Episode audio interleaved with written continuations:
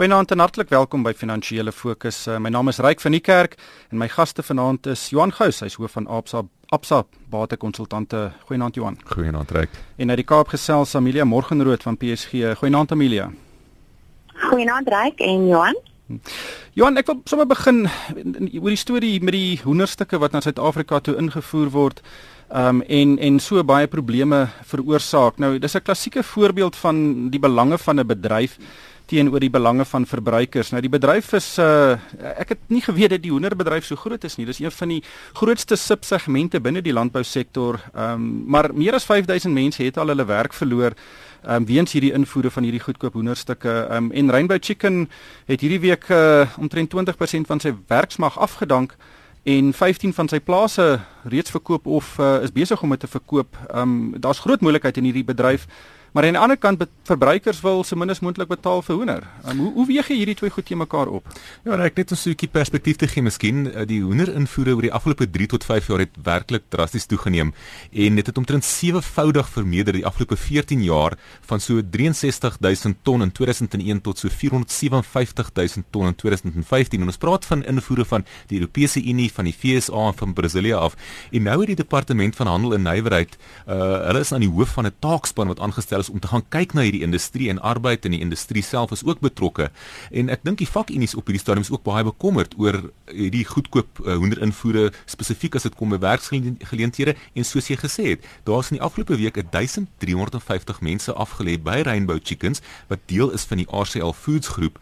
Ehm um, en dan saam met dit ook het ons gesien hierdie jaar was daar ernstige druk op hierdie vervaardigers want daar was die hoër koste van voer as gevolg van die droogte gewees en dan saam met hierdie effek van die invoere maak dit baie moeilik en so het RCL uh, Food se winste in die eerste helfte van die jaar met 54% byvoorbeeld gedaal. En die groot probleem is die feit dat daar 'n kwessie van storting is. En ehm um, dit is werklik 'n moeilike situasie in die industrie op die oomblik. Ek dink nie daar's 'n korttermyn vinnige oplossing nie. Ja, jy kan tariewe sit op hierdie storting wat besig is om plaas te vind, maar op die einde van die dag moet ons gaan kyk na die hoeveelheid wat ingevoer word en om dalk eerder ons eie werksgeleenthede te begin beskerm in hierdie land. En Amelia aan die ander kant verbruikers uh, weet wil nie te veel betaal nie. Uh, hierdie hoender is baie goedkoop. Ehm um, watter rol speel dit in die hmm. hele debat? Ehm um, ja, ek dink reg net as vir 'n bietjie agtergrond, hierdie hoender wat gestort word kom uh, uh, is uh, kom teen 'n prys wat niks te doen het met hulle koste van produksie nie.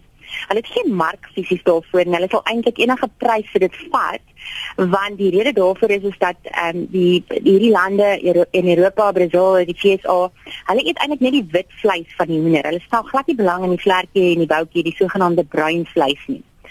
Ehm um, nou my opinie van van van dit is reg dat ek dink ek weet al 10 jaar van hierdie situasie, van hierdie swaard wat ehm um, oor Suid-Afrika se kop hang. Dit vir 'n lang tyd was die industrie beskerm en natuurlik op 'n stadium met het dit weggeval.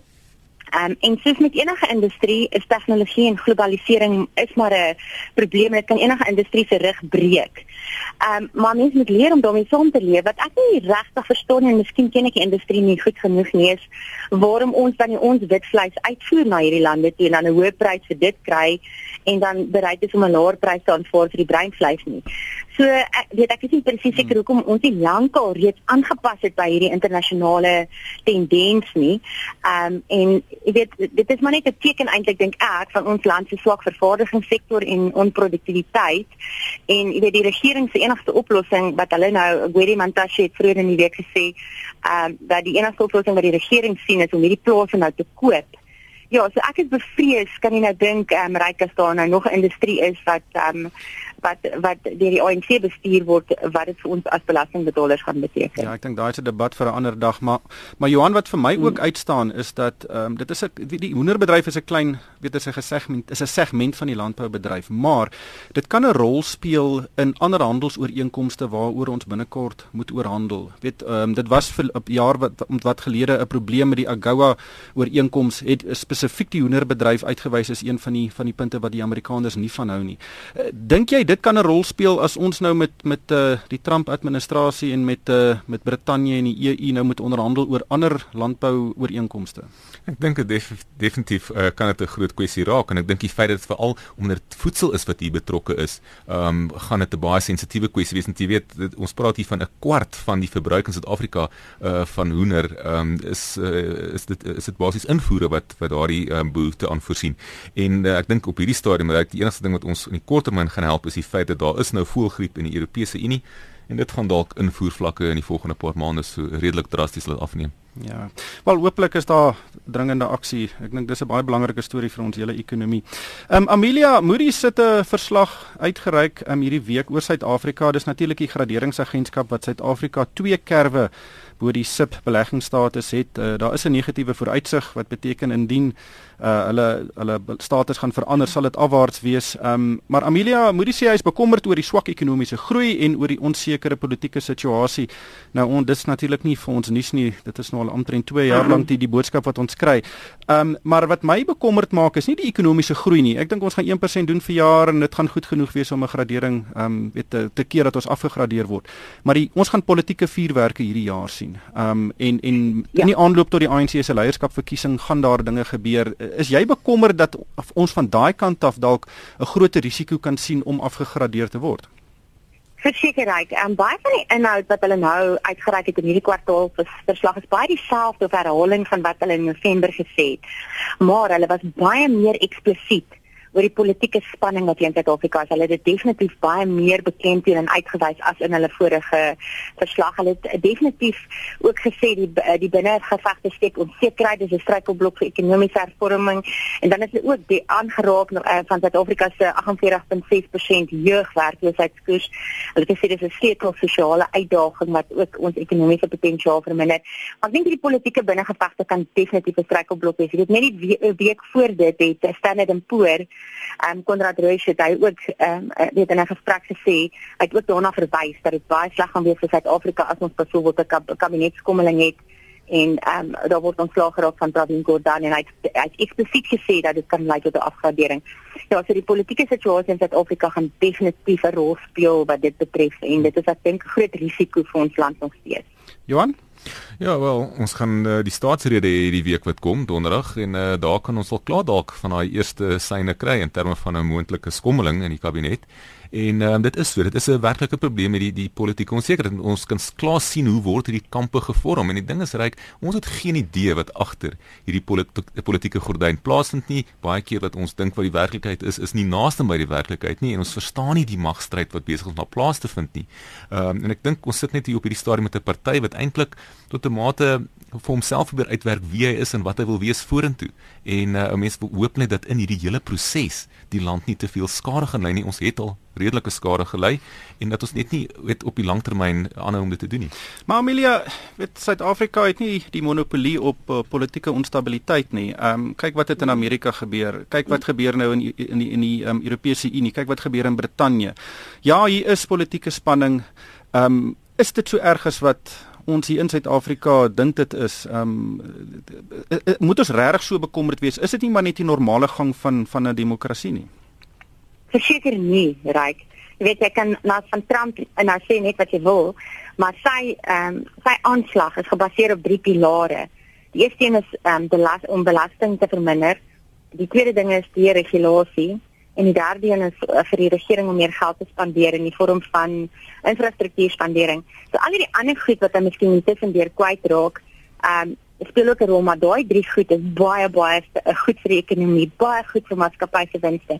Mens weet hy praat daarso van hy die moontlikheid dat hy belasting vir maatskappye wil sny van 35% na 15%. So kan jy dink 'n maatskappy betaal 20% minder belasting Onthou 20% minder belasting is gelyk aan 20% meer wins. Jy kan nie dink wat dit gaan beteken vir maatskappye, aandeelhouers vir die markte. En so gaan dit aan. Ja, maar wat gaan dit vir die Amerikaanse wat gaan dit vir die Afrikaanse die, die Amerikaanse mense beteken? Wel, dit gaan dit gaan vir almal ehm um, welvaart skep. Onthou as maatskappye dit goed doen, dan gaan dit goed in die ekonomie, hulle kan meer betaal. Dit is een ehm um, dis een van die een van die brandpunte in in Amerika is die feit dat die werkloosheidskoers aanhoudend afneem en dat baie werk geskep word, maar dat die fisiese lone nie regtig baie styg nie. Dit is steeds onder druk bly. So dis alles goed wat wat wat wat kan aangewend word of kan, wat kan gebeur om daai probleme uit te sorteer. Terwyl jy by ons, as jy nou vergelyk die politieke situasie hierso, die bespiegelinge, ek dink die probleem is nie rondom Derek Hane kom en Aaron Motsoaledi wat wat moontlik uit die parlement gaan verlaat nie. Jy weet, ons praat nou hierso van moontlikheid van Gordhan, maar die algemene konsensus dink ek is dat hy nie Gordhan sal laat gaan nie, dat hy eers veilig is. Maar die adjunkminister, Msebizi Yuna, hy is ook die hoof van die open, uh, van die openbare beleggingskoöperasie. Daar sprake dat hy van hom wil ontsla raak sodat hy daai streng bestuur wat daar tans is op die openbare beleggingskoöperasie wil hy uit die pad uit die uit die weg ruim. So ons het hier met heeltemal 'n perd van 'n ander kleur. Jy weet dit gaan hierso oor ons staatskas wat beskerm moet word ja. en um, ons politieke onstuimigheid is heeltemal iets anders. Ek ek dink net weet politieke onstuimigheid veroorsaak dat daar nie vertroue is van buitelandse beleggers nie, daar's ook nie vertroue van plaaslike besigheid nie. Dit speel dan op die einde van die dag deur na verbruikers toe wat ook nie vertroue het nie en op die einde van die dag so werk dan deur ons ekonomie wat nie groei nie, wat daar in die fiskale situasie wat nie kan verbeter nie en dan praat ons weer van kredietafgraderings en daai tipe van goed. So die hele ding begin eintlik en eindig eintlik op 'n einde van die dag by politieke stabiliteit. Ja, en vertroue in politieke leierskap. Amelia jy het nou net na Trump verwys. Ehm um, hy is môre 2 weke in sy pos. Hy is op 23 Januarie ingelyf. Uh dit voel eintlik of haar leeftyd hierdie afgelope 2 weke geleef is. Uh wat wat wat is jou siening van waar dinge heen gaan daar in Amerika na hierdie 2 weke? Maar my beste raai skoot, ehm um, ek dink ek die mark gaan minder sensitief begin raak vir elke woord wat hy kwyt raak. Ek dink jy weet ek het nou verwys na van die goed wat hy wil doen en dat sy aanslag was. Ehm um, jy weet daai baie positiewe goed, maar ongelukkig kom daai saam met die res van Trump en al die al, al die al die goed wat hy kwyt raak om mense om te krap. Maar jy weet, jy moet ook onthou die media het ook 'n manier wat hulle alles um, meer sensasioneel wil maak. Jy weet, dis die hele storie met die muur wat hy nou wil bou. Jy weet, dit is nie so erg as as jy 'n muur wil bou by jou grens nie. Miskien as ons 'n muur gehad het op ons grens sou ons nie um, so baie renosters verloor het byvoorbeeld nie. Jy weet, jy moet die goed in perspektief sien. Um, ek dink die media het 'n regte manier om om om goed heeltemal uit verband uit te ruk. Ek dink dit gaan nou begin gaan oor wat hy gaan beteken vir die mark en as jy gaan kyk wat die reaksie was in die mark, dan kan jy sien dat dit baie meer positief is as wat ons dink. Weet die mark sê altyd vir die werklike gevoel van mense. Kyk Wall Street is 10% op sedert Trump se oorwinning. Ehm um, aanvanklik was die konsensus dat die mark 10% gaan daal. So dis baie interessant dat eintlik is jy die FSA is die enigste land van die ontwikkelde wêreld ontwikkelde lande wat op nuwe rekordhoogtepunte is. Hulle het verby hulle rekord van Mei 2015 gegaan. So eintlik is dit eh, eh, eh, ervoor almal dit as baie ja. positief. Gaan gaan kyk maar en byvoorbeeld na die mark in Europa. Hy's nou eers hy, hy is nog steeds op dieselfde vlak as wat hy was 17 jaar gelede. Gaan kyk na die mark in Japan. Hy's waar hy was in 1989. So die mark gee eintlik vir jou al die antwoorde wat jy soek. Johan, ons terug na daai muur toe. Daai muur is lank. Hy uh, is 3700 km lank as hy gebou gaan word. Uh, as jy nou 'n blaadjie uit Amelia se boek vat, gaan jy konstruksieaandele koop. Definitief reg. Ek dink weet dit dit is 'n punt om te sê jy moet nie Trump letterlik opneem. Baie van die goed wat hy oor gepraat het in sy verkiesingsveld tog is besig om nou werklikheid te word. En my een vraag wat ek net het reik is, gaan sy benadering wat hy in besigheid gevolg het met hom so suksesvol gemaak het om werklik help in die politieke wêreld. Jy weet daar's 'n groot verskil tussen om 'n beleid aan te kondig uh, teenoor om dit te implementeer en meneer Trump kom van buite die politieke stelsel en gaan met die prosesse en die beleid en die tydsraamwerke van die FSA se regulatoriese stelsel te doen kry. So meneer Trump se eerste paar maande as president dink ek gaan baie gaan oor sy prioriteite. Wat wil hy eers gedoen kry?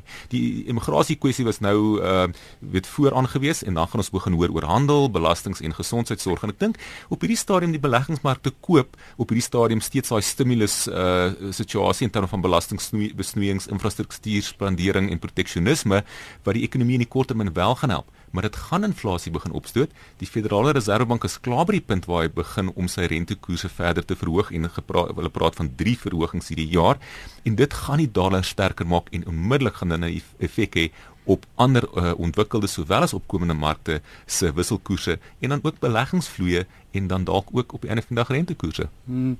Ja, Amelia, die rand het die afgelope paar weke lekker verstewig. Eintlik uh, in teenstelling met die met die met die tendens want die dollar het ook verstewig. Uh, wat, wat dink jy is die kort en mediumtermyn vooruitsig vir ons vir ons geldeenheid? Ek dink rand is nou weer baie sterk en um, ryk soos ons hier praat, is hy weer besig om 'n uh, aanslag te maak op die 1320 vlak. Nou dis 'n baie belangrike weerstandsvlak. Sedert Augustus verlede jaar het ons hierdie vlak al 'n goeie 3-4 keer getoets en ons kon nie deurbreek nie. Tipies wat elke keer gebreek en gebeur het is um, die rand het dan weer verswak na 14.50 toe. Dis die tegniese Hoe daar verloor is vir Amelia. Uh, Johan, wat is jou indrukke oor die geldeenheid? Ja, ek ek dink ons op hierdie stadium het het ons nog steeds hierdie week weer gesien die rand het nog steeds daai sterker tendens, maar dit is wat Emilia gesê het. Dit lyk of vir die 1320 vlak werklike probleem is en ons kort iets wat ons deur daai vlak gaan kry. Okay, maar wat wat veroorsaak hierdie verstewiging? Hoekom verstewig die rand terwyl die dollar ook verstewig? Wel, ek ek dink dit is op 'n van die dag eh, 'n uh, baie groot effek van rondom die opkomende markte. Ek dink ons bietjie meer positiewe sentiment rondom opkomende markte en ek dink Suid-Afrika spesifiek ook uit die kommoditeits uh, oogpunt waar die kommoditeitspryse besig is om op te tel. Dit is ook bietjie van 'n positief.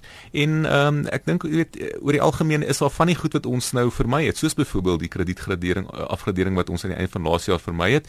En ek dink miskien voel die mark bietjie meer rustiger in die algemeen oor Suid-Afrika.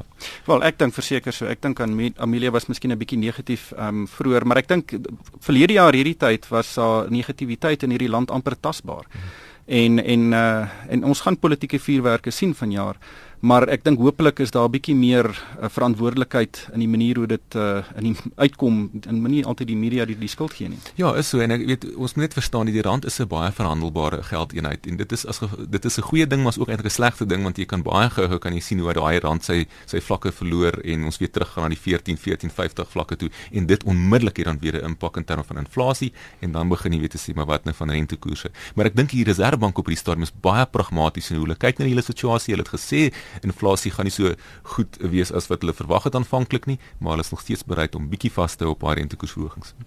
Ongelukkig hierdie tyd ons ingehaal. Baie dankie aan Johan Gous, hy's hoof by Absa Batekonsultante en Amelia Morgenrood van PSG. En daarmee van my, Ryk van die Kerk, dankie vir die saamluister en ek hoop almal het 'n winsgewende week.